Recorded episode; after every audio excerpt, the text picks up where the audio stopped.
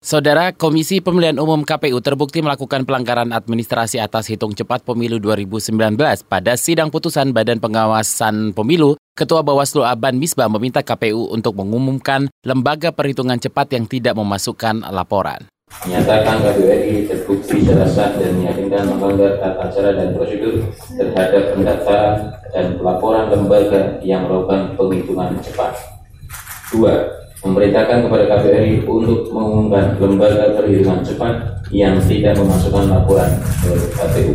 Komisioner Bawaslu Rahmat Bagja menegaskan KPU juga terbukti melanggar tata cara dan prosedur penginputan data sistem perhitungan suara. Sebelumnya BPN melaporkan kecurangan administrasi terstruktur, sistematis, dan masif yang dilakukan KPU.